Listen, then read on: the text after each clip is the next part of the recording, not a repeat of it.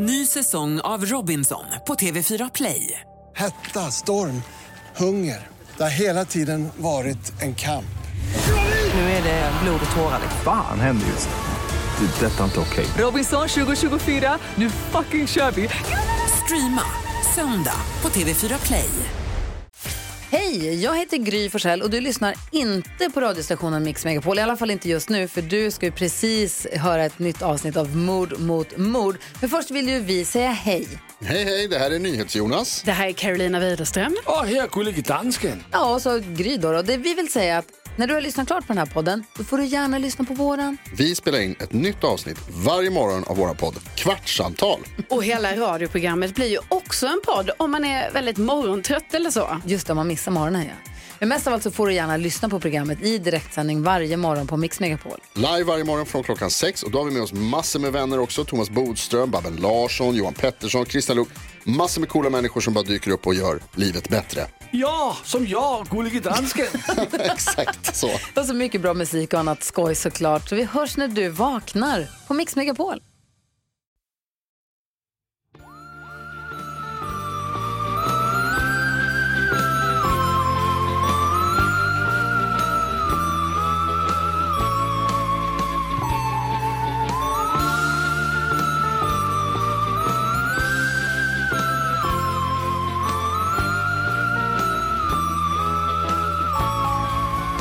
Enda som är jobbigt i den här nya poddpositionen var att jag hade planerat att måla naglarna samtidigt som vi poddade. Och om du ser mig nu så har jag alla Det är händer fulla. Ja exakt, ja, det är inte jättelätt.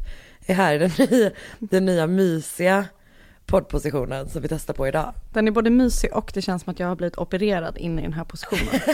Ja, det ser lite ut som det med. Det ser ut som att du föddes med en mick eh, fastsydd vid skrevet. Den sitter faktiskt ovanför. Jag har inte så långa ben. Du, du har inte så långt skrev. Nej, det är min fobi, du vet ju det. Det är inte din fobi. Det är inte en fobi. Jo, långa skrev-fobin. Men det är väl just med dig själv. Och med andra. Nej, det är med mig själv, men jag är väldigt det? uppmärksam med, Med andras, med för att det är din egna ja. noja. Mm. Men vad heter det? Men det är inte, det är en... Inte förbi, det är ens egna, men rädsla, får man inte säga det heller? Nej det är samma sak. Men man, man är, Självmedveten. ja fast finns, skitsamma vi återkommer till det här. Det här är Mord mot mord. Mm. En true crime podcast som görs av mig Karin André och av dig Anna Sandell. Det stämmer. um, jävlar vad, det här blev, det, jag är så nedsjunken och inmyst nu så att det är inte sant. Jag tycker det känns eh, otroligt. Det här påminner mig om typ vårt första eller andra Mm. avsnitt när jag, som vi spelade in när jag hade varit på natten kvällen innan. Just det då när du hade trillat, eh, trillat omkull. Ja, Mm. för att Ja. jag, jag som träningsvärk idag så känslan är lite densamma, att jag Just inte det. kan riktigt röra mig. Då var du väl djupt bakis och eh, sönderslagen? Exakt. Mm. Och jag vet inte om du minns det här, men kommer du ihåg att jag skickade en nakenbild till dig när du satt på tunnelbanan? Ja, jag har försökt bearbeta det traumat sen dess. Det var verkligen att du inte sa send me nudes, men jag gjorde det ändå. För du skulle visa upp Ett blåmärke. ett blåmärke. Mm. Var det samma blåmärke? Mm. Men det är också, alltså det är, det är kul med dig för att du väldigt ofta säger Eh, alltså att du varnar för too much information men sen går du rakt på att du är såhär 10 maj och sen så bara rakt Kommer det direkt? Ja men jag, det stör ju inte mig. Nej, men du var lite störd över Ja, nakenbilden. men jag var, jag, kanske var... jag var chockad och typ att jag satt på sån full tunnelbana Ja. och plötsligt så poppade det upp nakenbilder. Men det som också är lite, som, jag, som var med det där, är ju att jag är ju egentligen typ ganska försiktig med, med min nakenhet. Mm. Men inte med mig. Nej, och framförallt inte på bakfyllan. Ah, du är lite gränslös på bakfyllan. Alltså, du vet ju ibland när man har druckit ja. eh, och man vaknar upp och känner sig som att man är så jävla snygg. Man känner sig som att man så här, ah, det, är, alltså, det har hänt någonting under natten. Vänta, att, eh, så det var det här, du försökte alltså ragga på mig? jag, vet inte, ja lite kanske omedvetet. Men också så bara, här, det, kolla mitt blåmärke här, mitt på tuttarna. verkligen. Ja, nej men liksom att man känner sig liksom lite nöjd med sig själv. Vet du vad, nej, vet du vad man det är ju för att man sig? fortfarande är lite full antagligen. Ja, och jag tror att det man framför allt kan känna sig på bakfyllan ibland är ju typ sexuell. Ja. Alltså förstår du vad jag menar? Ja, ja, 100 procent. Men, Ja, ja, 100 procent. apropå, det här var ju faktiskt blåmärke på rumpan. Ja. Men en annan gång, det här är nu ganska länge sedan, eller det är i alla fall två år sedan. Mm. Eh, så hade jag varit ute eh, och eh, snö, jag var liksom rejält på lyset. Eh, och jag, jag brukar ju aldrig vara ute till fem, men det var jag den här natten. Mm. Och så skulle vi på festdagen efter, så jag visste så här, det kommer bli en väldigt tung helg. Och så hade jag ångest och så vaknade jag och så när jag eh, speglar mig, liksom, eller när jag kliver i duschen och ser mig själv i spegeln. Eh, då har jag, det här var inte en sån bakfylledag när jag kände mig snygg. Nej. Då har jag alltså ett blåmärke under bröstet som är Eh, nu tänker du så här, vadå under bröstet? För att vad är upp och ner på mina, liksom det är inte så att, på, liksom ja, på på nederdelen av av bröstet. liksom bröstet, ja, jag fattar. Som var, alltså, som en femkrona. Eh, stort och Ja, liksom ja. så runt i formen. Och det var, alltså du vet, annars brukar det ju ta en tid, lite tag för blåmärken att utveckla sig. Mm. Fullt Det utvecklat. här var fullt utvecklat. Och jag bara, jag ramlade inte igår, eller det gjorde hur, jag. Jo men hur ramlade Men jag ramlade inte upp och slog Nej, i patten. Nej men och inte på en klotrund sak, eller Nej. liksom helt rund sak. För jag har ingen aning om var det här kom ifrån. För det var en sån konstig form. På bröstet. Har du någon, har du, nej? Jag vet fortfarande inte. Fan det är ju det här du borde lagt dina Sherlock-kunskaper på. Alltså We need to 100%. re- retrace the steps. Verkligen. Och sen så plötsligt bara när vi, vart har du varit kvällen innan? Berns. Ofta att du är ute och slirar på Berns, alltså jag, det känns, jag tycker att det känns som att du ofta väl har väldigt bra kvällar på Berns. Alltså, du hade ja, väldigt bra, nu senast hade du en bra Ja, kväll på Berns. Vilket jag tyckte var härligt för att du var så här, det här var som förr i tiden Ja. när jag drog runt själv. Japp. Och jag har så otroligt svårt att relatera till det, men jag vill liksom gärna vara med på en sån kväll. Då är ju Då inte är du själv själv. längre. Nej men alltså, Fan. för om det var någonting som jag verkligen tyckte var kul Ja. eh, när jag var singel. Det var att vara ute och mingla. Och veta att så här, det finns folk, alltså gud, jag gick ju inte ut själv, jag är Nej, ingen nej, nej, tok. nej. Men ehm, att veta att så här, här, jag känner folk här och vi, jag kommer alltid hitta, alltså vet så här, vi, jag kommer kunna återknyta med mina vänner. De kommer inte dra utan mig. Men jag kan mingla fritt. Ja. Ehm, Let her run free. men nu, den här senaste kvällen var det, alltså minglade jag typ bara med folk jag kände. Men Mm. eh, Men har du minglat med folk du inte känner innan? Fan det finns inte en jävel som kan vara så charmig som du. äsch. Äsch. Du vet om det också. Eh, det, finns, alltså, så här, det finns inte en person, för det som du är är att du är en kombination av att du är så här, eh, social, alltså extremt socialt kompetent från grunden. Men sen har du varit i mycket så här, sociala sammanhang tror jag, det här är min bild av dig. Ja. Där du har liksom, men typ haft folk till bordet. Mm. Du är så här, du, kan, du har liksom en proffsminglighet to you, men du är också extremt socialt kompetent och sen så är du asrolig. Äsch, gud vad du är gullig. Tack snälla. Gud, det var det jag fick och tog emot gladeligen. Men eh, visst, visst ligger det någonting i det? Ja men jag gillar ju att, eh, jag gillar ju att prata med folk. Ja, det är ju mitt roliga, alltså när man har en bra partner med sig. Ja, jag vet. Det är Vi är faktiskt- ju bra partners till varandra. Verkligen, Mm. verkligen. Bra. Eh, Ja, just det, sist vi satt så här och poddade ja. Det var där just vi började. det var där vi Mm. började ja. Eh, ja, det måste ju typ varit avsnitt två eller tre eller Ja. någonting. Fan vad sjukt. Sjukt. Jag har sån stark torsdagskänsla idag. På ett bra, det är onsdag. Det är jättedåligt. Ah. Det hade du förra veckan, du kanske bara inte kan veckodagar, för det hade Det du förra veckan med. Ja. Var det så? Ja, du bara, jag blev precis jätteledsen för Ja att just det, när jag det vaknade. Mm.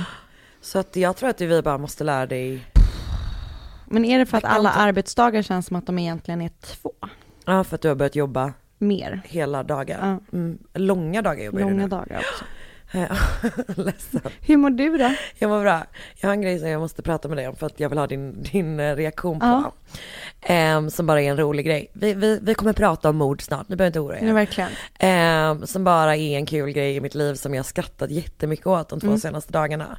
Eh, som är att min kollega, Mm. en av mina kollegor, jag ska inte namnge, vi är också sex personer som Verkligen, det jobbar. Man kan går att verkligen- lista ut. Det går verkligen lista ut. Det är en han, det är Mm. de tre stycken. Mm. Han har eh, precis börjat laga mat. Mm. Och eh, det är inte bra. Vadå, hur är det dåligt då? Nej men alltså lyssna på det här nu. Men hur vet du det? Tar han med sig maten till jobbet eller? Jag vet det här för att vi har Slack Ja. och han då startade en, en tråd på Slack som är, har ämnet typ såhär, vad ska jag äta till middag, eller vad ska Mm. vi äta till middag? Så att för att han då vill ha tips på vad han kan laga. Mhm. Han har precis också flyttat och bor själv i en lägenhet. Okej, hur gammal Eh, är han? Alltså han är ju typ 25. han har varit ute och rest lite grann och sådär. Jag tror också att hans mamma har jobbat på någon annan, ah, skitsamma. Ehm, så han har startat den här tråden och alla börjar engagera sig väldigt mycket för att det är också gulligt med någon som bara skickar recept, typ, vad ska jag laga, bla bla bla. Det är ju en härlig Gud, ja. inställning ändå. Så alla börjar engagera sig jättemycket och skickade liksom enkla recept som han ändå kunde förhålla sig till. Var på eh, min andra kollega skickade då typ ett recept på en så här kyckling. Flygande Jakob. Åh vad äckligt, fan vad äckligt. Jag har ätit det för det är bananer. Just det. Men du vill gärna dra med andra. Ehm, nej, min, min andra kollega skickade då en, liksom en, ett recept på typ en kycklingpasta. Som var typ så kyckling och spenat, lite grädde. Du vet basic. Liksom. Super basic. Super basic, extremt basic. Ehm, och då kommer han tillbaka dagen efter och bara, jag försökte laga det men det blev jätteäckligt. Vad tror du att han har gjort? Jag vet du vad? Du kommer aldrig kunna gissa vad han har gjort. För det här är det sjukaste jag någonsin hört. Ja, han har, jag vet inte, berätta. Okej, så istället för han har bytt ut kycklingfilén Aha. mot kycklingfärs. Okej. Han har bytt ut, Det är alltså, det var, nej förlåt, du ska berätta färdigt. han har bytt ut eh, spenat, alltså färsk spenat, mot du vet som fryst hackad spenat. Som blir liksom en sörja. Vilket är asgott i typ spenatsoppa. Ja. Eh, sen har han också adderat salami. och det är rätten. Men alltså, och pasta och grädde. Ja, ja, gud ja. Eh, det som hedrar honom är att han, att han tänker själv och tar ut svängarna. Jo, jo, fast men borde han verkligen det? Har han verkligen kapaciteten att ta ut svängarna? Jag lever ju med en man som ibland tar ut svängarna. Och det är inte alltid, alltså så här, häromdagen när jag och Marcus skulle göra våfflor, han bara Oj, jag tog två ägg för mycket. Jag bara, ah, men då får du väl ha i lite mer andra grejer. Så bara ser jag typ att, jag bara, du har inte haft i någon smör. Han bara, nej men jag tänker att jag har det i liksom plättle, eller så våffeljärnet. Jag bara, men Marcus, du har ju ett recept och det står i receptet att det ska vara 125 gram smör. Kan ju inte bara ta bort det. Ja, skitsamma. Det var första rätten. Andra rätten, Smakade det äckligt också, sa han det eller? ja ja det var fruktansvärt. Alltså den här salamin. Åh! Hur hade han i den i hela Nej, den, var, den var tydligen på väg att gå ut. Alltså okej, det där hade Oscar 100% kunnat göra. en sån men menar, salami kylskåpsrens typ- kycklingspasta. Ja men alltså. Ja okej, Mm. så då alla bara, Kasper blev. Var det han som hade skickat? Det var han som hade skickat receptet, nu är vi nere på två. Och han blev alltså rasande, alltså han blev verkligen arg för att han hade, för att, för att det här, den här Förstört för att han hade receptet. förstört receptet. Så, men ändå så var alla så här, igår, han bara, men nu ska jag laga de här biffarna som min mamma alltid har lagat som är typ så här fetaostbiffar bla bla bla. Och vi bara, ja men det här kan han typ, alltså det är ju fan basic liksom. Vi bara, följ receptet, bara snälla följ receptet. Eh, så kommer han idag och, och jag bara, hur gick det igår när du skulle laga mat? Då får jag höra den här historien. Det är ett mirakel att man fortfarande är heterosexuell som kvinna. Eh, för att då har han bara en stor bunke hemma. Som han inte orkar diska. Så att när han ska blanda köttfärsen med liksom ägg och sådär, du vet den här skiten.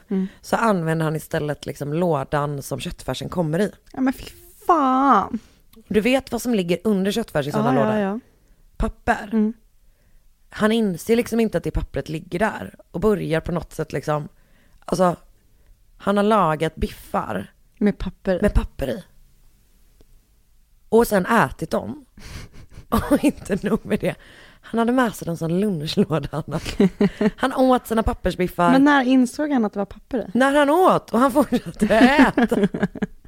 För det är inte heller helt vanligt papper, det är typ sånt foliepapper. Men alltså på riktigt. Men alltså, hoppas att det var nära är han singel?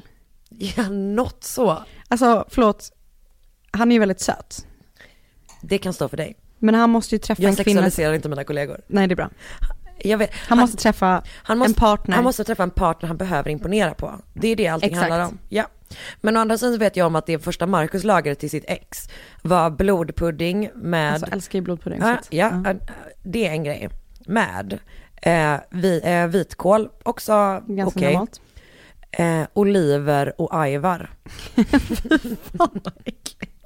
Men fan, har inte jag berättat när jag skulle fråga, jag skulle äta middag med Pauline, som Ja. du känner också. Så sa jag så här, messade henne så här, gillar du blodpudding? För att Ja. alla gör ju verkligen inte det. Men jag hade sånt där, jag skulle kanske ha mens Mm. och var sjukt cravade blodpudding typ. Ehm, Gud vad äckligt. Nej, Men det, för mig blev det äckligt att jag gjorde den associationen. det är järn. Och vet du vad? Jag vet, det är inte äckligt. Det var jag själv som bara fick den jag känslan. vet, men jag vill inte att du ska skämmas för din, din jag mens. skäms inte för min mens. Jag ska ha mens nu, jag kan prata om det. Jag vill prata om min mens. Jag ändrar ämne. Jag skojar. Eh, nej men man slutade väl skämmas för sin mens när man i alla fall fyllde 23. Tror du det? Jag hoppas verkligen det. Jag har ju inte mens. Nej just det. Så mycket skäms jag. Jag har väldigt... Eh, Sporadisk. jag, Blodpudding. Ja. Eh, smsade jag henne och sa, gillar blodpudding? Då Ja. sa hon, absolut, jag tar med mig falukorv. Och då Ursäkta? Alltså, nej, va? Vi ska ju äta blodpudding, du behöver inte ta med dig någon annan mat. Typ, då lagar vi något annat. Men då har hennes familj, för att min pappa äter, och det gör man ju, blodpudding med bacon. Ja det är en grej ja. Mm, mm. Men hennes familj har ätit blodpudding med falukorv. Men och ju, hon förstod inte att jag tyckte det var det konstigaste jag hade hört. vilket också typ är konstigt eftersom det är typ två ganska low grade köttprodukter, vilket i och för sig bacon är på vissa sätt också. Alltså man kan ju köpa, Jo, det jo. finns ju Mm. superfin falu, falukorv och blodpudding, bla bla bla, bla. Mm. allt det där. Men oftast köper man ju det vakuumförpackat i butiken liksom. Exakt, Mm. man gör ju ändå det. Jag fick Fick, lite, men vänta, Mm. lät tillät du henne? ja det var faktiskt ganska gott. Ja. Men eh, jag älskar ju falukorv också. Mm. Ja, åt, gud ja. vi så åt det falukorv och makaroner till middag i tisdags. Fan, i måndags. gott. Även gott, korvstroganoff. Även Så jävla gott. den enda rätten som min kollega kan laga. Men det är gott, det, där har han något. Fast han kan inte ha det som dejtmat. Nej. Nej. Men eh, bara en sista grej om blodpudding. Ja. Blev besviken. jag blev så besviken på mig själv liksom. När jag insåg på Nytorget 6 som är en restaurang i Stockholm så har de blodpudding på menyn. Jag vet, och vet varför jag vet det? För att vi en gång firade min födelsedag där och din vana trogen så skrev du till mig en vecka innan vad du tänkte beställa. Men jag beställde inte det då. Nej, men då var du skrev du det och så Ja, var det för det var absolut en stark contender. Mm, mm. Men så vågade jag inte chansa. Men, så kom jag tillbaka dit. Det här är ju, det här är, ja, när det nu var. Mm, efter din födelsedag. Ja. På lunch med min mamma. Så tänkte jag så här, ja men, för det kändes lite deppigt att äta blodpudding på din födelsedagsmiddag tycker jag. Nej. Ja men det gjorde ju inte det. Nej, men vet, på en lunch med min Mm, mamma så kändes det, ja men jag, jag tar blodpudding och en öl, det känns som en bra kombo. Så härligt. Ja. Ja. Och då var det ju liksom sån hemmagjord blodpudding. Lite grinig. Tyvärr alltså, jag vill gärna ha den vakuumförpackad Ja. med socker i alltså. Ja. Ja. Mm. Ehm, innan vi börjar, vilket vi ska göra alldeles strax. Mm. Det här är mitt bästa intro någonsin. Mitt med. Mm, bra. Ehm, så har jag lyssnat, börjat lyssna på en ny podd idag. Okej, innan du berättar om den. Men gud vi har, vi har så många saker, nej nej nej, det här introt kommer pågå i 40 minuter till. Vi måste prata om, för nu har jag inte sett eh, gårdagens avsnitt, det vill säga, ja det har gått en vecka Ja. när vi släpper det här. Men jag är äntligen i kapp på, jag har sett de för första avsnitt av True Detective. Ja men då ligger vi lika. Ska vi prata lite om det? Vad tycker du? Jag tycker det är jättebra. Det var lite långsamt det sista, senaste avsnittet tycker jag. Det är, jag tycker att det är långsamt. Alltså Mm. jag vill ha en sån jävla gut punch nu. Ja. Och jag ty- trodde det att det var, kommer. jag vet men jag trodde att det var på gång i avsnitt vad det var, fyra, Mm. slutet eller vad det var. Jag vet, det är lite för slow alltså. Ja, och det typ finns en konversation mellan huvudkaraktären och en annan person som är väldigt viktig, Mm. som händer i avsnitt fem. Som man bara, det här borde varit i avsnitt två. Ja, men så här, jag vet inte, jag, alltså, det är definitivt bättre än säsong två. Men man, har, man drömmer ändå tillbaka till säsong ett. Alltså ingenting klår den. Nej, nej jag vet, det är ju också typ bland det bästa som har Mm. gjorts liksom. Men jag vet inte, jag är typ inte så hooked. Alltså jag längtar inte till nästa avsnitt. Okej, men för det gör faktiskt jag. Ja, bra. För jag har inte sett det som kom i- måndags. Nej, exakt. Men eh, jag har däremot lyssnat på alla avsnitt av Broken Hearts. Okej, berätta vad du tycker. Det är ju den här podden som jag Som du tipsade om för kanske två, Två veckor sedan. Ja, som då handlar om eh, en, eh, två mammor, två eh, vita mammor som kör eh, över en klippa med sina sex adopterade svarta barn. Eh, och det finns ju typ anledningar att berätta eh, att, det, att de är vita och barnen är svarta för att Ja. det är place into the story. Det Eh, är så den- jävla sorgligt och sjukt Ja. och hemskt på alla sätt och vis. Jag var så illa till mods. Ja. Men den är otroligt bra. Den är jättebra, super superbra. Ehm, ja, nej men man blir ju ledsen. otroligt ledsen. Och typ att så här, och det är ju världens grundaste spaning och jag kan typ inte ens säga den men bara den här grejen att de lever ju typ så superperfekta liv på Facebook där de är Ah, så ja. himla liksom upp, eh, upplysta I alla fall den människor. ena. I alla fall den ena, Mm. exakt men att det är sånt jävla kaos bakom Mm. Fasaden typ. Och att folk, det som gör mig väldigt frustrerad med den är att folk försöker lösa situationen. Mm. Alltså folk försöker verkligen hjälpa dem och det går Nej. Ja, a broken heart stavas Så jävla då, bra. det som sist jag sa det här, stavas alltså i det här titeln, H-A-R-T-S. Eh, bara för att klargöra att Mm. jag vet hur man stavar till hjärtan på engelska. Mm. Jag har också sett Abducted in plain sight. Alltså, Vad fan? alltså. Vad fan var det där? Nej men kan du Nej men ens- jag, men jag blir typ såhär, jag bara kan det här ens vara på riktigt? Det Alltså, är för sjukt. Netflix-dokumentären in Abducted in plain sight som handlar om en flicka som blir kidnappad av en familjevän. Mm. Två gånger. Nej det är, och typ hela familjen, alltså han har manipulerat hela, hela familjen. Varenda jävla en. och Alltså, det, the relief scene. alltså jag vet. Alltså. Men det är så konstigt liksom på något vis. Ja, alltså det går inte att förstå. Och det tycker jag ofta att typ, eh, alltså true crime i allmänhet Mm. visar en story som man bara inte kan förstå. Alltså så här, det, det, går, det går liksom inte ihop, agerandet går inte ihop typ. Och liksom, är det, jag ser den bara. Ja, bara Abducted in plain sight. Se den. Abducted in plain sight. Ny säsong av Robinson på TV4 Play. Hetta, storm, hunger. Det har hela tiden varit en kamp. Nu är det blod och tårar. liksom. Fan händer just nu. Det. är Detta är inte okej. Robinson 2024, nu fucking kör vi! Streama söndag på TV4 Play. Ett poddtips från Podplay. I fallen jag aldrig glömmer djupdyker Hasse Aro i arbetet bakom några av Sveriges mest uppseendeväckande brottsutredningar. Går vi in med hemlig telefonavlyssning och, och då upplever vi att vi får en total förändring av hans beteende. Vad är det som händer nu? Vem är det som läcker? Och så säger han att jag är kriminell, jag har varit kriminell i hela mitt liv men att mörda ett barn, där går min gräns. Nya säsongen av Fallen jag aldrig glömmer på Podplay.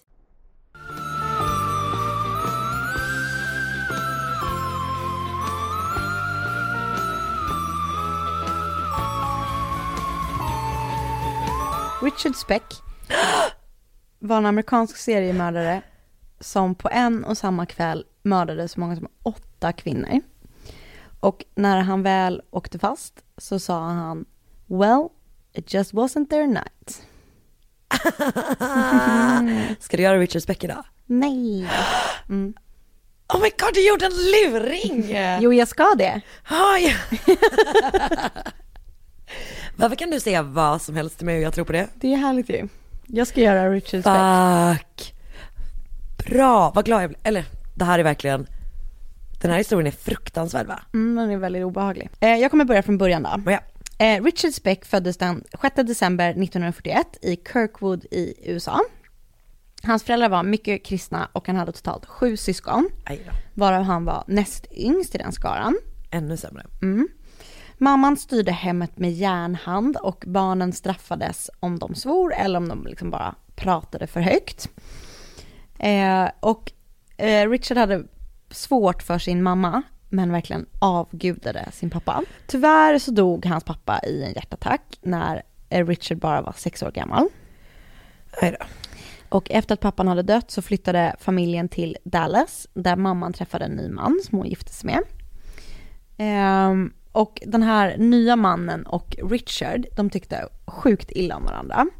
Så att det blev liksom lite spänt hemma kan man kanske säga.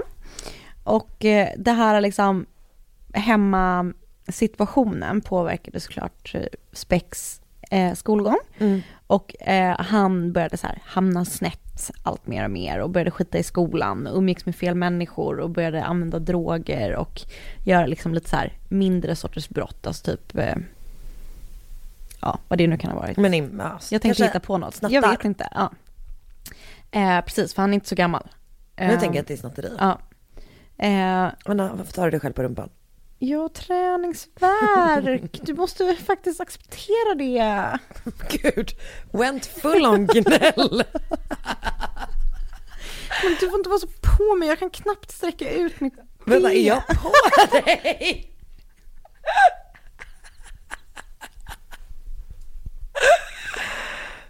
Åh gud. Jag vet om att du skrattar och du skojar, men du känner det på riktigt. Förlåt. Jätteont. Det var bara speciellt att du låg och tafsade på din egen röv liksom. I alla fall. I alla fall. När han var 12 år gammal bara, så tatuerade, tatuerade han in Born to raise hell på sin arm. Man bara ja, alltså det är ju typ vad 12-åringar ska göra, Alltså du jag menar? Eh, och när han var 15 år gammal så blev han utkastad från sitt hem. Born to raise hell somewhere else. Eh, och när han hade blivit utkastad så började han driva omkring och sysslade med tjuveri, om det nu är ett ord, och andra liksom skit. Eh, och det, det är lite så här eh, olika info, så jag har valt att köra på ett spår som jag Bra. kommer att göra nu. Han åkte också fast för ett våldtäktsförsök någon gång, liksom i den här perioden när han blivit utkastad. Och 1962, då är han alltså 21 år gammal, eh, träffade han en 15-årig tjej vid namn Shirley. Och de två gifter sig. Nej. Och ganska kort därefter så får de ett, eh, en dotter. Eh, och liksom, det får inte honom att hamna på liksom, rätt spår, utan Förvånande. Precis, han fortsätter att hamna i trubbel med polisen och han blir arresterad flera gånger innan han till slut blir dömd till tre års fängelse. Och det som var olika var då att någonstans så läste jag att det var för eh, våldtäktsförsöket och någonstans, så jag vet inte exakt det är vilken ordning det har hänt. Mm. Eh, han kom i alla fall ut efter bara 16 månader. Eh, och nej just det, det här också blir otydligt. För att han har också eh, åkt fast för att ha attackerat en kvinna med kniv på en parkeringsplats. Oj. Så jag vet inte om det är det som han kanske åkte in för. Det är oklart. Det är oklart. Ja, men de här sakerna. Han är i alla fall eh, ute på dåligheter. Mm. Och, Det eh, märks att du är ihop med en jurist. Tack. Du menar att jag låter så proffsig? Till din vok- vokabulär Ja, men tack. otrolig. Vi har sån, eh, eh, vad heter det, man hade sånt eh, glosförhör. Det har vi varje kväll. På juridiska glosor. Bra, bra. Dåligheter. Mm. Tror att den kanske är mer korrekt än gluttare som vi pratade om i, eh, i senaste avsnitt som juridisk term. Men jag vet för sig inte. Skitsamma. Ja. Ehm, jo, och Shirley liksom är rädd för honom efter det här. De är gifta under hans det här fängelsestraffet men hon känner bara så här, nej men det här funkar inte. Så hon sticker och lämnar honom med deras barn. Oj. Eh, och någon annanstans så har jag läst att det inte bara är att han liksom har, är i trubbel med polisen, men det är också att han så här är otrogen hela tiden, han tar inte hand om barnet och att han liksom typ har lämnat henne för att bo med en kvinnlig pro-wrestler. Oj, spännande. Som också jobbar som bartender. Ha. Men, men vänta, så hon lämnar, hon lämnar honom med barnet? Ja. Ah, mm. Vilket var tur. Okej. Eh, I januari 1966 så åkte Richard Speck fast för att han hade huggit en man med en kniv eh, på en bar där den här flickvännen pro-wrestlern jobbade. Eh, hans mamma och systrar hjälpte honom då att betala borgen så att han eh, liksom kom ut med en Mm. gång. Och de hjälpte honom också på något vis så att han istället för att få något liksom hårt, hårdare straff för det här så fick han bara 10 dollar i böter som straff. Oj. Vilket ju måste ha varit ganska lite pengar då också tänker jag. Ja, alltså. Alltså 1966 är ju inte aslänge sedan. Nej, jag tänker det var 20 dollar. Oj. Jag tänkte att det kanske var 100. Det kan ha varit 100 också. Det var i alla fall ganska lite pengar. Ja. Ehm, och eh, kort därefter så blir han liksom efterlyst igen för att han stjäl en bil och rånar en affär och så här. Och när han blir efterlyst så hjälper en av hans syrror att, eh, honom att rymma. Så att han, eh, tror jag, åker till Chicago. Vi får se. Han rymmer i alla fall. Och han fortsätter såklart med massa skit, även när han liksom har blivit eh, hjälpt på rymmen. Mm. Bland annat då så är man ganska säker på att han är skyldig till att våldta och binda och eh, blindfolda den 65 år gamla Virgil Harris. Eh, och han, eh, man tror också att han har dödat en kvinnlig bartender som arbetar på den baren där han liksom hängde Inte mycket. pro wrestler, Nej, det här är precis, på ett annat det här är någon annan. För, och bartendern hade dött av att hon hade fått ett slag i magen som var så hårt så att hennes lever spruckit. Mm. Jävligt äckligt. Ah. Ja. Eh, och polisen förhörde honom flera gånger efter, liksom, i samband med det här och när de kom hem till honom så hade han stuckit. Men i, på plats i hans hem så hittade man smycken som hade försvunnit hos den 65 år gamla Virgil Harris. Så att det är ju han liksom. Ja. Eh, och efter att han stuckit från sin lägenhet så drog han omkring, fortsatte liksom så här leva lite på rymmen och så bodde han hos sin syster ibland, hemma hos en sjuksyrra som han hade blivit vän med och på typ ett motell. Så han liksom var ja, på, rym, Mm. på rymmen. Eh, och han krökade och sådär. Och till slut så sa systern bara så här, fan jag pallar inte ha dig hos mig. Nej, kan man ju förstå. Och då var det att han eh, bodde lite mer permanent på ett ställe som hette, ett motell som heter Shipyard Inn. Eh, dit han vid ett tillfälle tog med sig en kvinna han träffat i en bar och som han våldtog henne under pistolhot.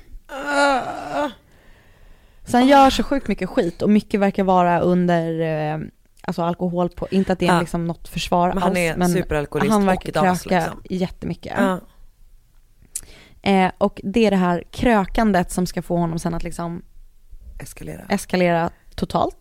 För den 13 juli 1966 så satt han och krökade eh, och han hade typ druckit liksom sin kroppsvikt i whisky.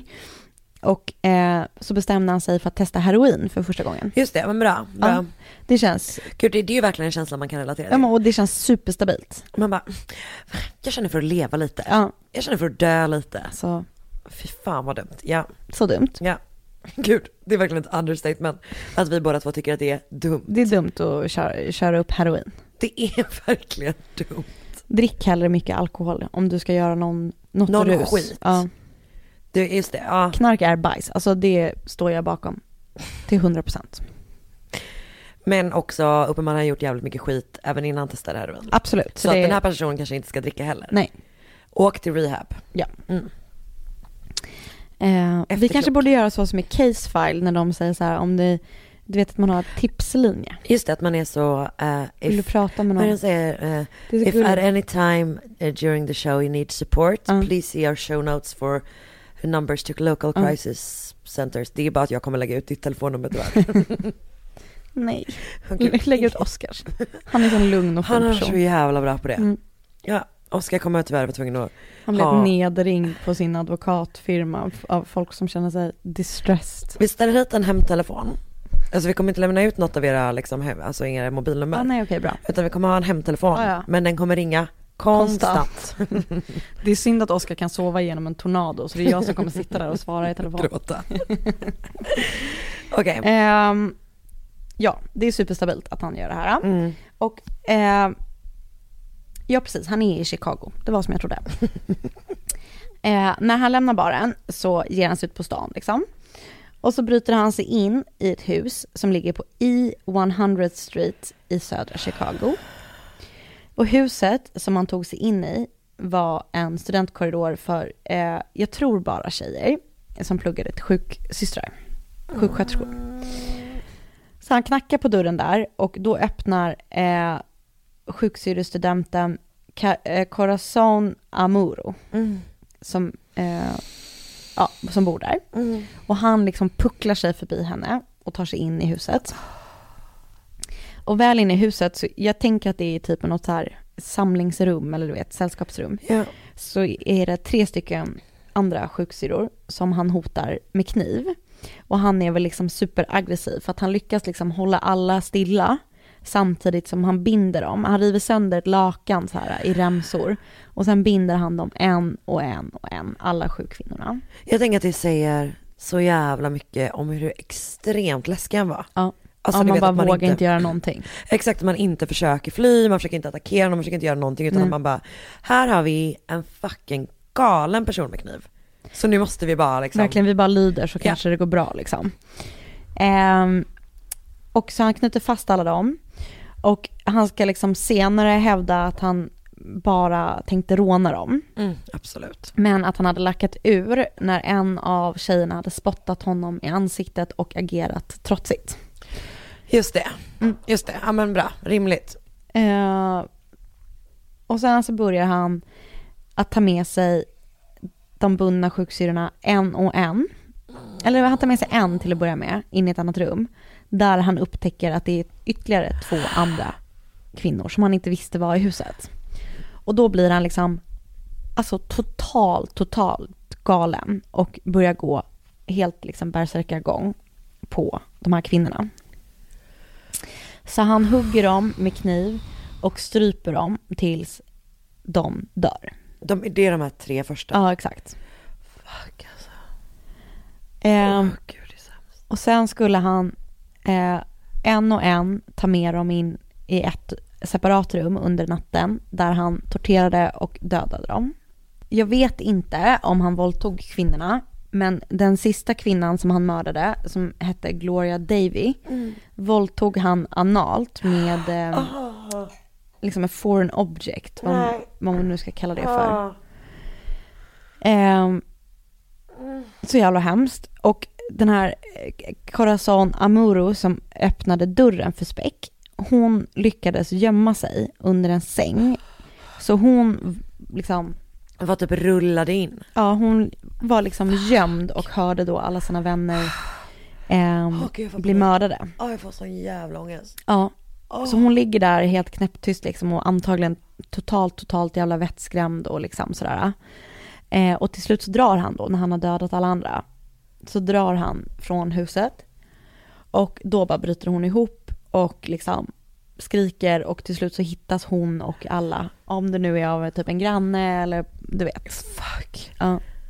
Men alltså jag undrar liksom så här, du vet, vad fan tänker man på när man ligger där under i typ flera timmar? alltså det blir- och bara man vet om att så här, antingen nu dör alla mina vänner, blir jag hittad, bara han, du vet det räcker med att han bara vänta, de var sky, alltså så här, så är man körd Mm. liksom. Alltså det är så jävla Och typ obehagligt. också att jag tänker att man har sån jävla skam för att man inte kan göra Mm. någonting. Verkligen. Åh fy fan. Så jävla vidrig situation alltså. Eh, så Richard lämnar i alla fall till slut eh, huset och sticker och bara liksom igen, bara fortsätter sin jävla krökarresa. Eh, resa. Det är också så jävla sjukt att han typ dricker all den jävla spriten och tar heroin. Mm. Och typ står upp, nonetheless mördar as många personer. Mm. Men han- han har krökat sedan han var ung. Alltså han eh, har haft alko- alkoholproblem sedan han var ung. Ehm, och i- jag tänker att, ja, jag vet inte, nej det är ju stört. Eh, så han, i tre dagar så var han på rymmen innan han till slut liksom hittades och greps. Och när han hade gripits så försökte han begå självmord. Eh, och, eh, men han upptäcktes, så Mm. han liksom rusades till sjukhus.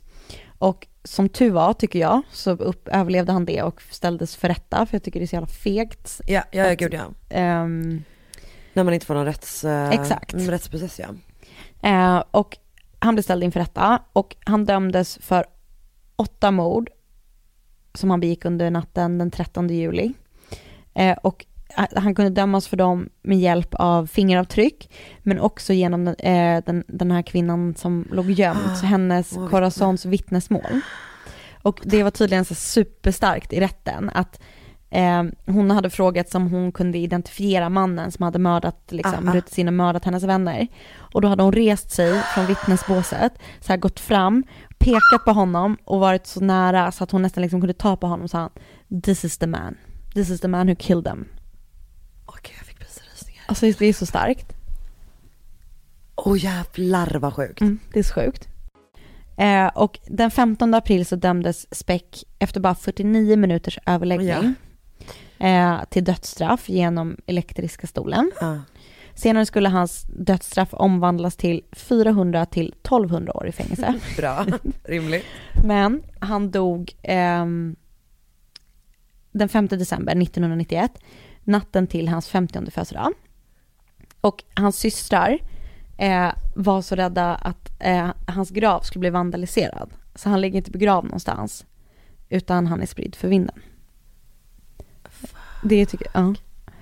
Ja. Eh, och eh, jag ska avsluta det här med att säga att han sa så här.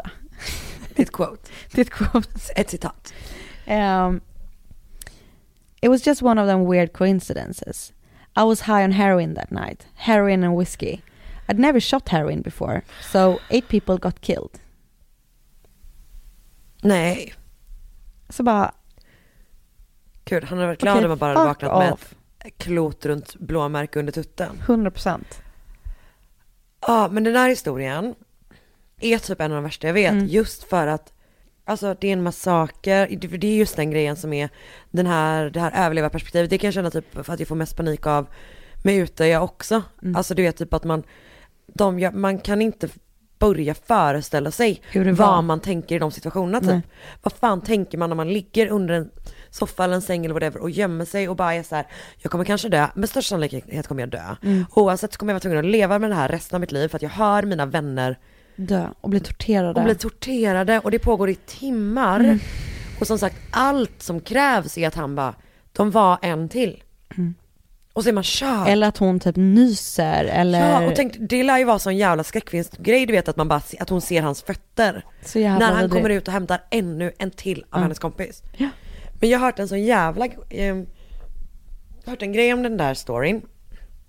Som har med just den här tatueringen att göra. Ja. För att jag tror att det var så att han greps, är det, är det så? Ja. För att det är, han söker sjukhushjälp, eller hur? Exakt. Eh, och så är det en sjuksköterska Japp. som känner igen den tatueringen. Det är också så jävla Mm. starkt. Mm. För jag tror att den, alltså typ ett barnbarn eller någonting till den sjuksköterskan Mm. har skrivit in till My Favorite Murder. Ja, nej det, precis, det stämmer. Alltså det är så Ehm, men jag vet inte, det var inte en sjuksyrra som bodde i huset. Nej nej nej, nej, utan någon på ett sjukhus Ja, liksom. För att de hade gått ut med att han hade den Ja. tatueringen. Mm, det stämmer. Ah, det är så sjukt. Mm, bra att alltså, sa det. Jag får panik av att det är sådana små, du vet man vet inte vad han hade gjort annars, han hade kanske rätt vidare. Alltså han hade nog kunnat fortsätta, Fortsätta. känns det ju som. Ja ja, han är ju totalt Ja. off the rails. Ja. Men också intressant det där med, men som vi pratade lite grann om eh, förra veckan i crossover-avsnittet typ, att det är så här, att det är något så speciellt med syskon. Att det krävdes ganska mycket innan hon skulle vara så här, nej fast nu får du ändå Ja, flytta verkligen. ut typ.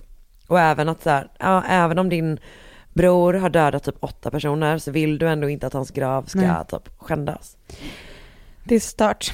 Och samtidigt typ, jag fattar det. Alltså det gör man ju. Man kan ju inte, eller jag har så jävla svårt att tänka vad min bror skulle göra för att jag skulle bara, nu är du inte min bror längre. Verkligen, och det tänker jag som med eh, den här Ted Bundy-dokumentären som är på Netflix med Ja. hans mamma och liksom alla, det är ju verkligen så här, fast de tror ju att han är oskyldig, men man, kan- man kan ju inte fatta typ Nej. att någon är ett as. Jag är så jävla glad att jag gjorde det där, för det där är verkligen en sån historia, Det är läskigt som fan. ja det är så jävla läskigt just den där, ah fy fan. Ny säsong av Robinson på TV4 Play. Hetta, storm, hunger. Det har hela tiden varit en kamp. Nu är det blod och tårar. Fan händer just. Det. är Detta är inte okej. Robinson 2024, nu fucking kör vi! Streama söndag på TV4 Play. Ett poddtips från Podplay. I fallen jag aldrig glömmer djupdyker Hasse Aro i arbetet bakom några av Sveriges mest uppseendeväckande brottsutredningar. Går vi in med hemlig telefonavlyssning och, och då upplever vi att vi får en total förändring av hans beteende. Vad är det som händer nu? Vem är det som läcker? Och så säger han att jag är kriminell, jag har varit kriminell i hela mitt liv men att mörda ett barn, där går min gräns. Nya säsongen av Fallen jag aldrig glömmer på Podplay.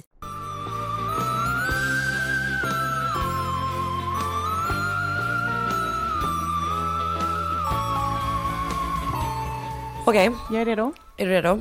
Bra. Eh, Michelle Kiesewetter. Född den 10 oktober 1984 i Oberweisbach. Det är väldigt mycket tyska namn i den här historien. Är det tyskt? Eh, ja, det är lite around. Men hon är ju från Tyskland. Det är tyskt. Eh, precis. Eh, hon sitter då den 25 april 2007 i en bil i Heilbronn, Tyskland. Du är väldigt duktig på tyska. Tack snälla. Eh, Är det från din Berlin-tid? Det är från min, mitt tidigare liv som judisk person som försökte klara mig undan nazisterna. Ah, ja, ja, just det. F- Fake-tyska går i våran släkt.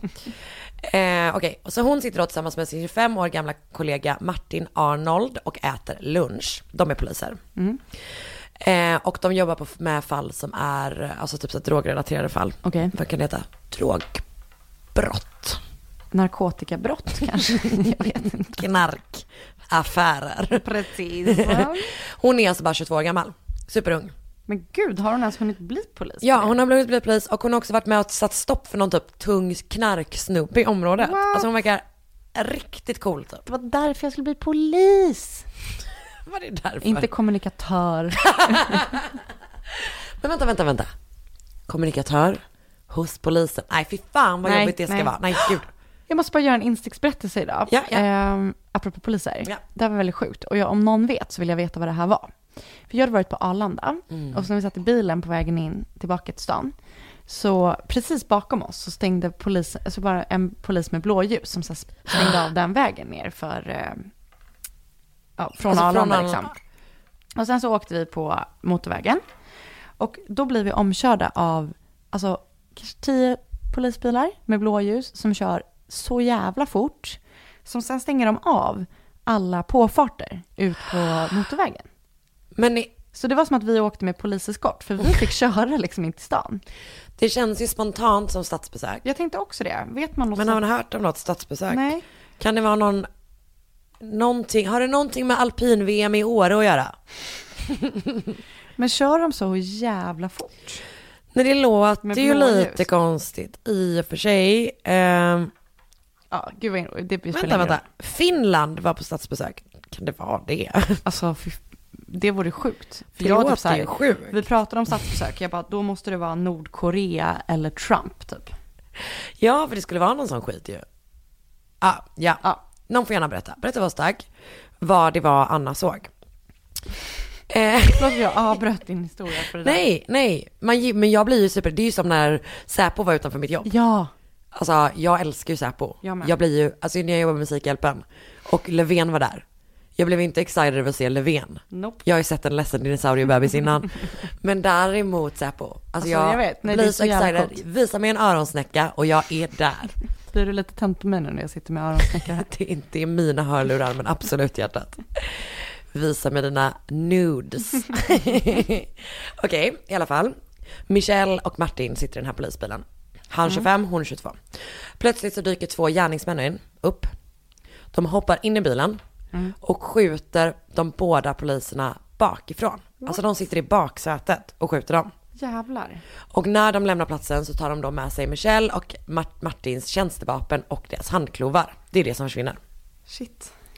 Så när ambulansen kommer till platsen så kan man konstatera då att Michelle är redan död. Och Martin lever, men han kommer ligga i koma typ de kommande dagarna. Ja. Och när han väl vaknar så är han då halvkroppsförlamad. Nej. Och han minns ingenting. Han minns bara typ att han så här gick upp den dagen. Alltså Fan vad läskigt från attacken alltså. liksom. Eh, så de bara, man inser ganska snabbt att det kommer bli jävligt svårt att lösa det här fallet. Mm. Men som det alltid blir liksom förstås när poliser blir mördade, alltså blir en superstor utredning liksom. Mm. Eh, så har man sånt jävla jävla flyt.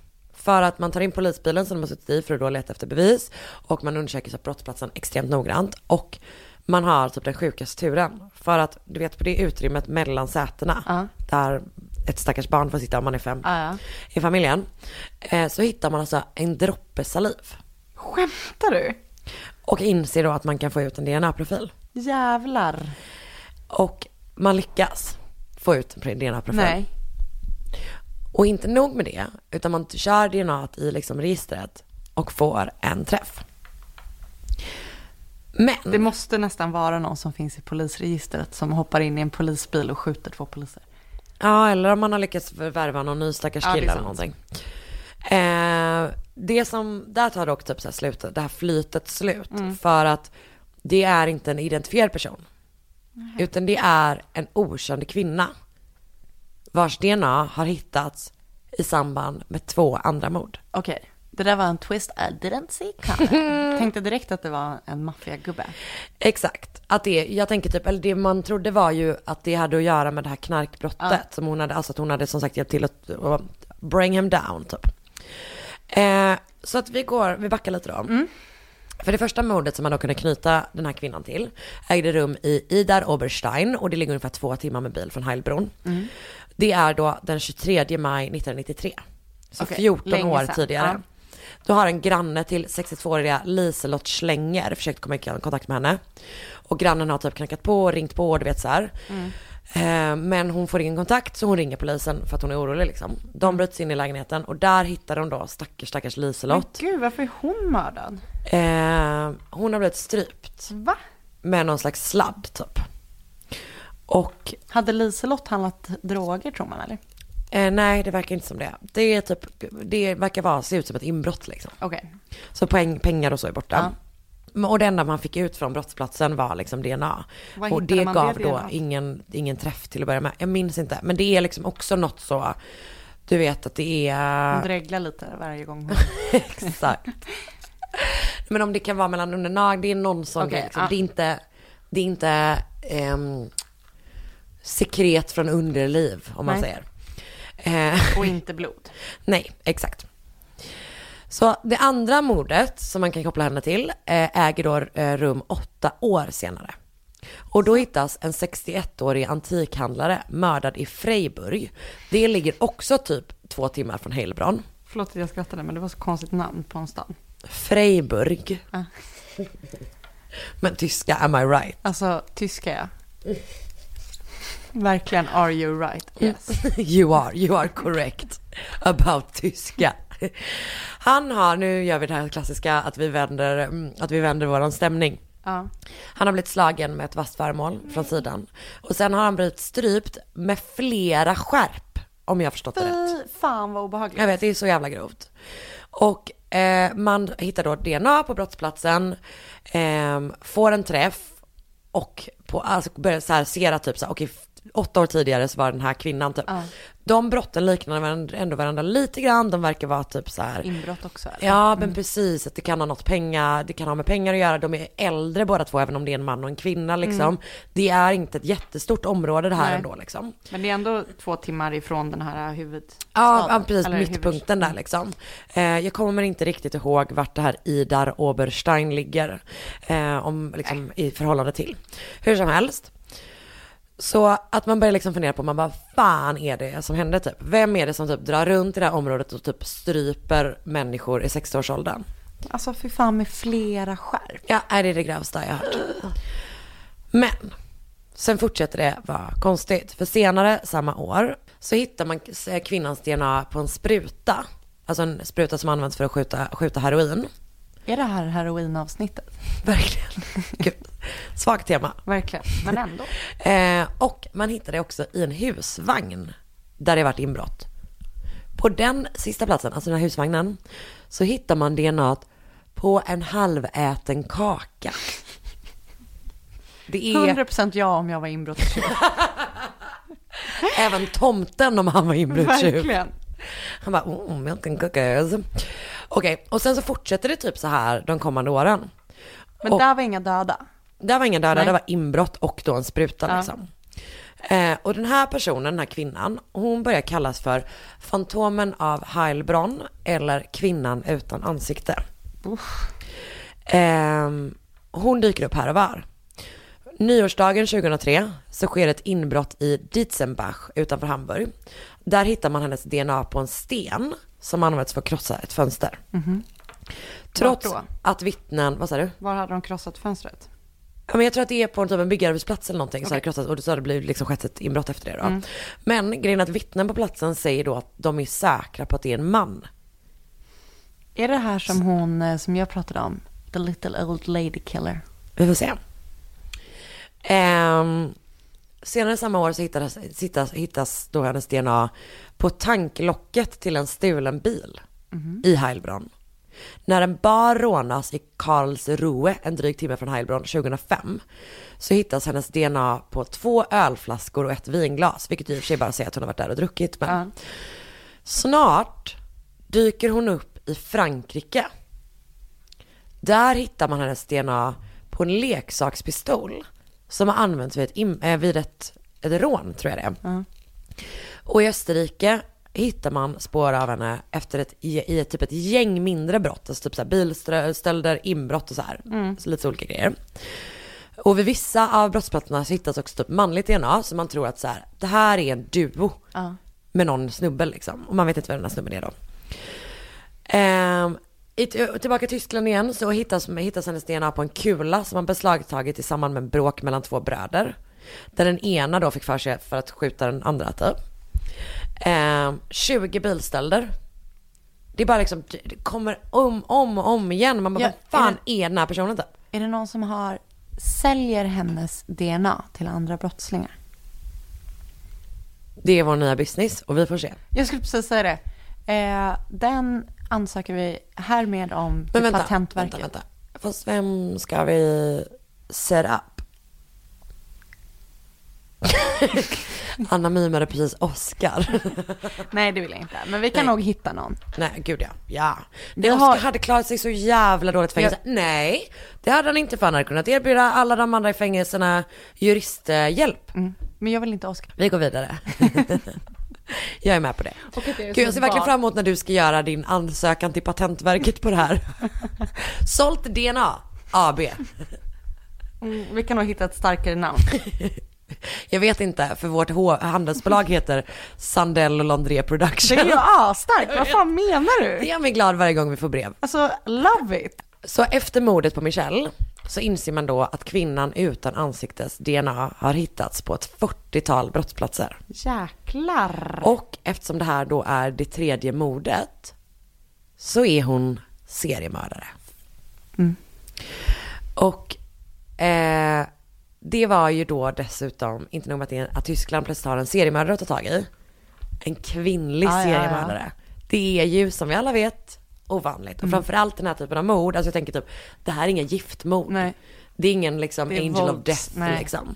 Utan det här är våldsamma, det verkar liksom, det verkar vara en person som mördar för att typ någonting kommer i vägen för henne Mm. helt enkelt.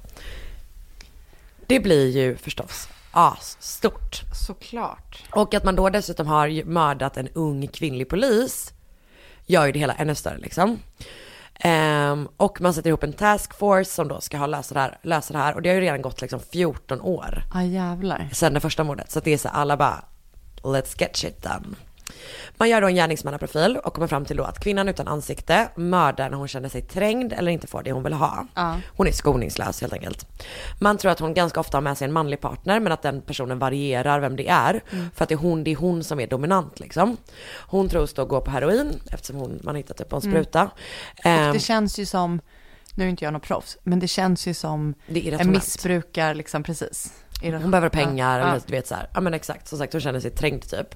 På en brottsplats så eh, hittas typ mjukisbyxor Mhm. med hennes DNA på. Det är som att hon har bytt om efter Ja. ett rån liksom. Så man bara så här, ja ungefär så här klär hon sig liksom. Ehm, och alltså som sagt, det här, bilden av den här seriemördaren, det fuckar ju lite grann våran Mm. tanke av en kvinnlig seriemördare. Att Verkligen. typ så här, antingen har man de här giftmörderskorna, eh, The Black Widows eller typ de här dödsänglarna. Eller så har man dem, typ du vet vad heter hon, Carla Homolka, som manipuleras av en man. Sådana känner vi också Mm. igen. Men här tror man då att det är den här kvinnan som är dominant liksom. Mm. Gud vad intressant. Eh, och poliserna jobbar liksom som fan med det här förstås. Mm. Eh, men man, det enda man har är det här DNAt. Det finns inga andra bevis. Det är så jävla sjukt. Ja. Man utlyser en Du är ju belöning. duktig för att vara liksom, Heroinist. Ja. Mm, verkligen. Ja men alltså på inte, eh, på att, alltså så här, att på inte att vara, undvika, att bli, ja men undvika massa andra grejer. Även om hon Mm. uppenbarligen dreglar överallt hela tiden. förutom den detaljen. ja. Eh, man utlyser en belöning på 100 000 euro för den som kan komma med information. Men ingen träder fram och berättar någonting. Nähä. Istället så är hon snart inblandad i ett trippelmord. Jävlar. För jag hittar inte några namn på de här personerna, men den 30 januari 2008 så mördas tre georgiska män.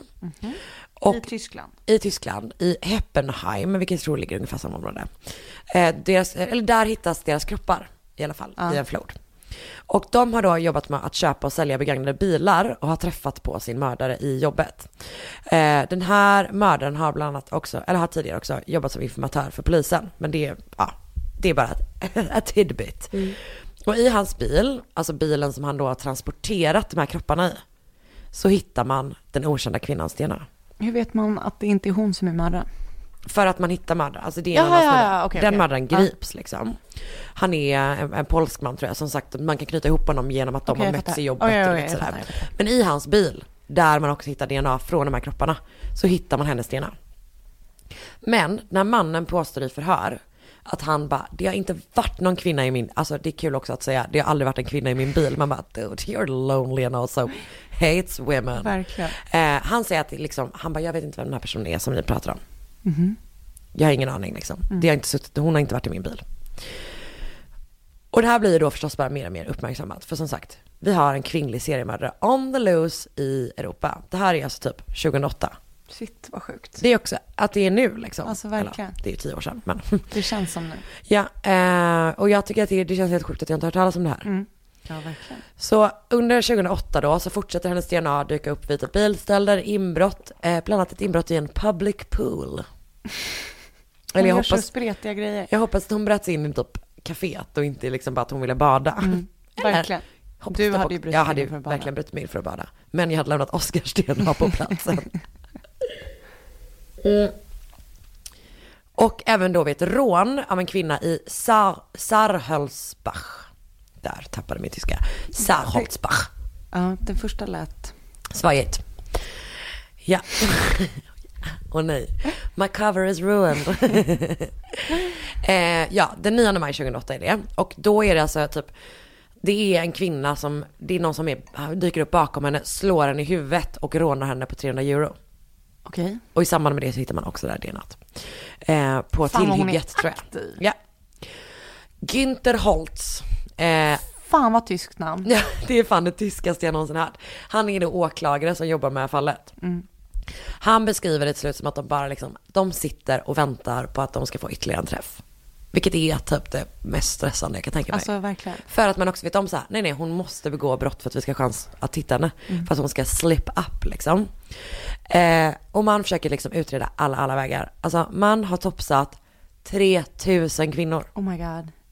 I, I den här... I Tyskland, eller, eller det man framförallt gör, det man funderar på är om man kanske har kopplingar till något slags gäng som reser mellan olika europeiska länder, det är ju typ Centraleuropa liksom. Ja. Att det är ju Frankrike, Tyskland, Österrike. Mm. Så man börjar kolla på gäng som typ gör business i alla Ja, ja. de områdena och man tror att, för att man tror att hon kan tillhöra någon sån liksom större grupp. Mm. Och i Tyskland så använder man inte sån DNA-teknik som avgör vart en människa kommer ifrån. Nej, det, jag, alltså, jag fattar inte hur det funkar. Nej jag vet, men det är ju det, är ju det man gör med det här 23 Ja, jag me och vet, sånt men liksom. jag fattar inte hur det funkar.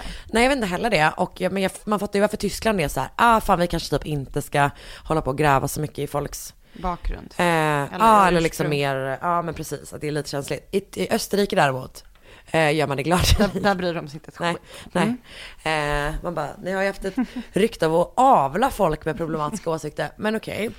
Eh, det visar sig då för att, i och med att det finns ju brott i Österrike med, och de gör då de här testerna. Och det visar sig då att den här kvinnan, alltså kvinnan utan ansikte kommer från Östeuropa.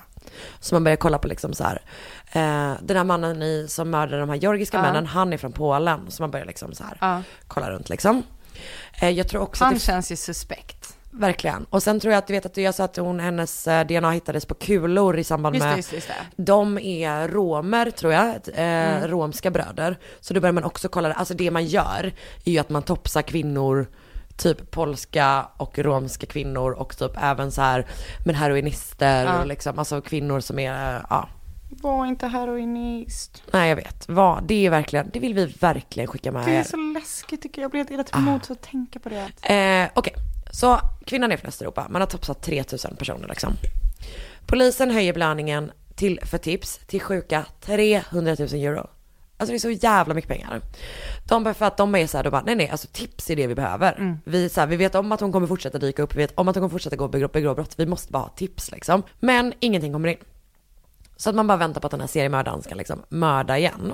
Fan vad jobbigt alltså. För även om då de här liksom, eh, alltså så här, jag tänker att brott, de mindre brotten, du vet rånen och inbrotten och sådär, det är ju jättejobbigt. Men man är också säker på att så här, om hon hamnar i en situation så kommer hon mörda igen.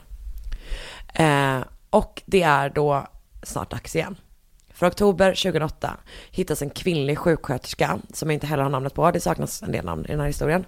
Eh, vilket väl också beror på att det är ganska, man har ganska olika liksom, regler, eller lite pressetiska regler i olika länder om hur man namnpublicerar även offer. Eh, hon hittas i alla fall död i sin bil i Weinsberg och det är typ en kvart från Heilbronn.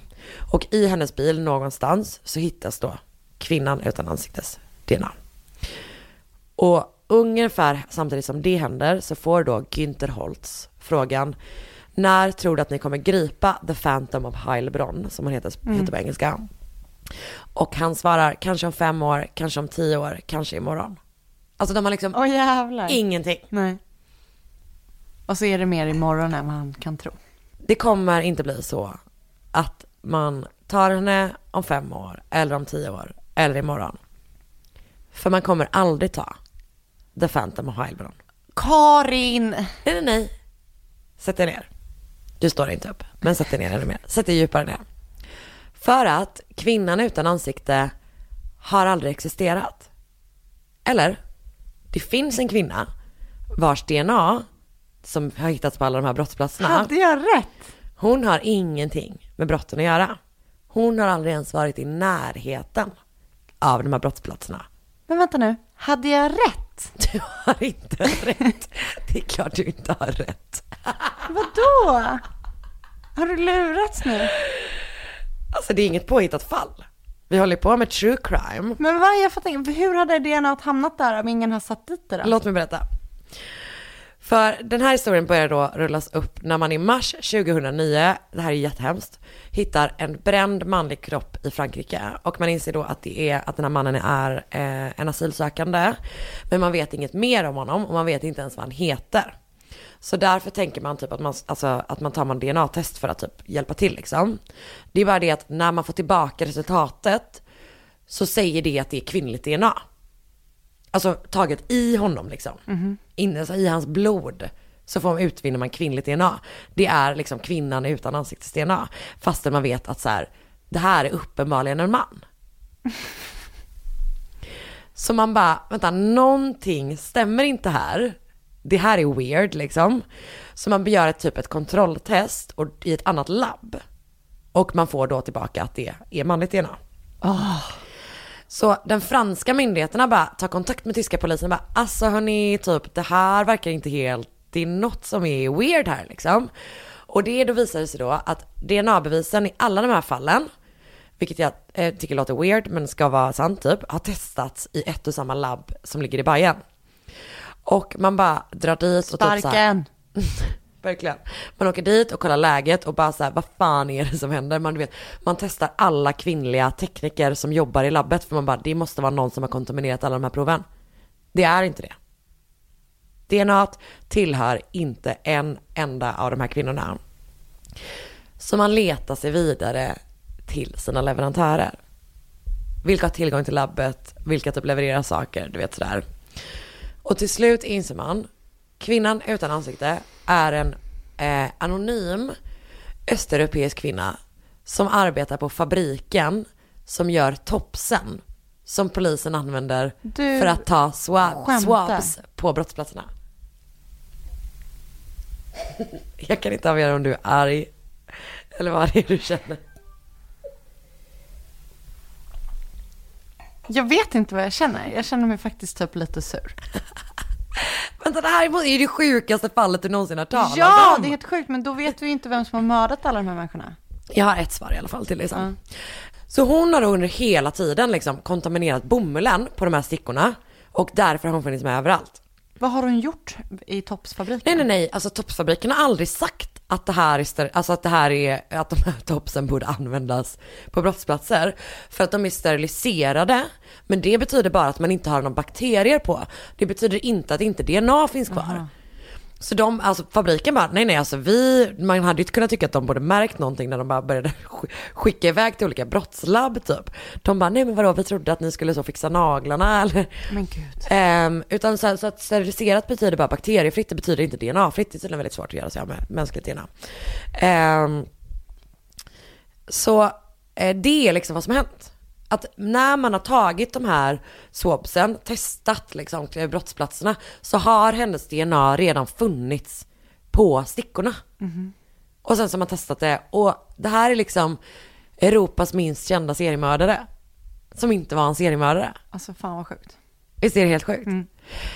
Eh, men jag tänker att jag kan berätta om upplösningen, eh, alltså den riktiga upplösningen av mordet på Michelle Kiesewetter. Ja, så du vet det i alla fall, Ja. så det känns lite lättare för dig. För att hennes tjänstepistol, som alltså då stals vid mordet, eh, hittas tillsammans med eh, Martins, alltså båda deras pistoler. Um, när Ove Bernhardt och Ove Mundlos begår självmord. Och de var två tyska nas- nynazister från terrorgruppen Nationalsocialister under, Untergrund. Eh, så att när deras typ pissiga, pissiga verksamhet upp, eh, upptäcks så omringar polisen deras hus Ja, ja, ja. och de skjuter sig själva. Så att man tror då att det, de, alltså hon har mördats, det är ett terrorbrott. Av ny, utfört av nynazister mot polisen liksom. Fan vad stört.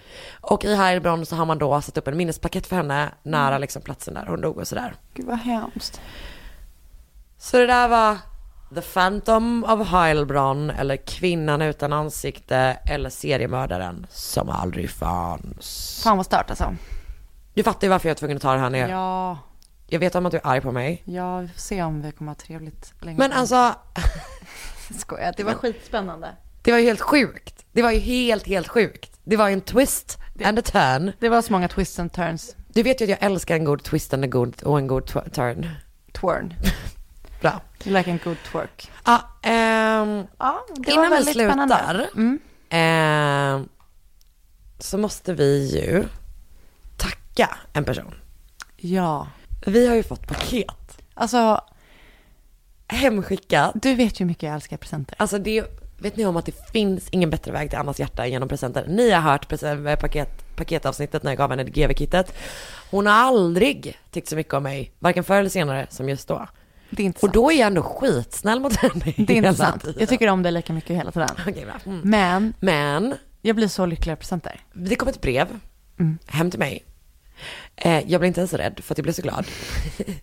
Trodde först att det var ett kassettband. Det hade jag blivit lite rädd av. För Ja, det känns jätteobehagligt. Ja. Men det visade sig vara två stycken smyckesaskar Mm. från Vera S. Som heter Veras, Veras understreck design på Instagram. Mhm. Med alltså två superfina silverhalsband. Med Med kvinnosymbolen. kvinnosymbolen. Alltså de är jättefina. De är så fina verkligen. Och jag blev något så jävla rörd.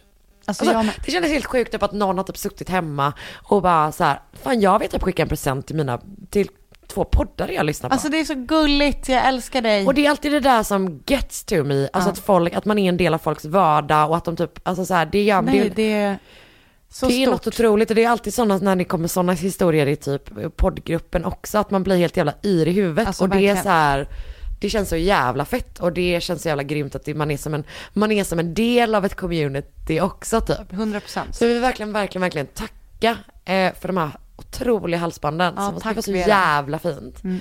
Eh, och därmed öppnar vi också upp kanalen för fler presenter. Det ska vara fina grejer. Alltså jag säger inte att jag fyller år 3 mars, men jag fyller verkligen år 3 mars. Och jag fyller tri- 30 den 29 juli. Just det, så börja jobba på era presenter till Anna redan Nu. nu, tänker jag. Mm. Jag kommer göra det. Vi kommer ha en sån hemlig grupp i, grupp Bra. i gruppen där vi diskuterar vad vi ska göra för dig. Sen kommer vi ha en flashmob på ditt jobb. där vi ska sjunga till danska, danska, där vi alla ska recreata det där magiska fallet på natten.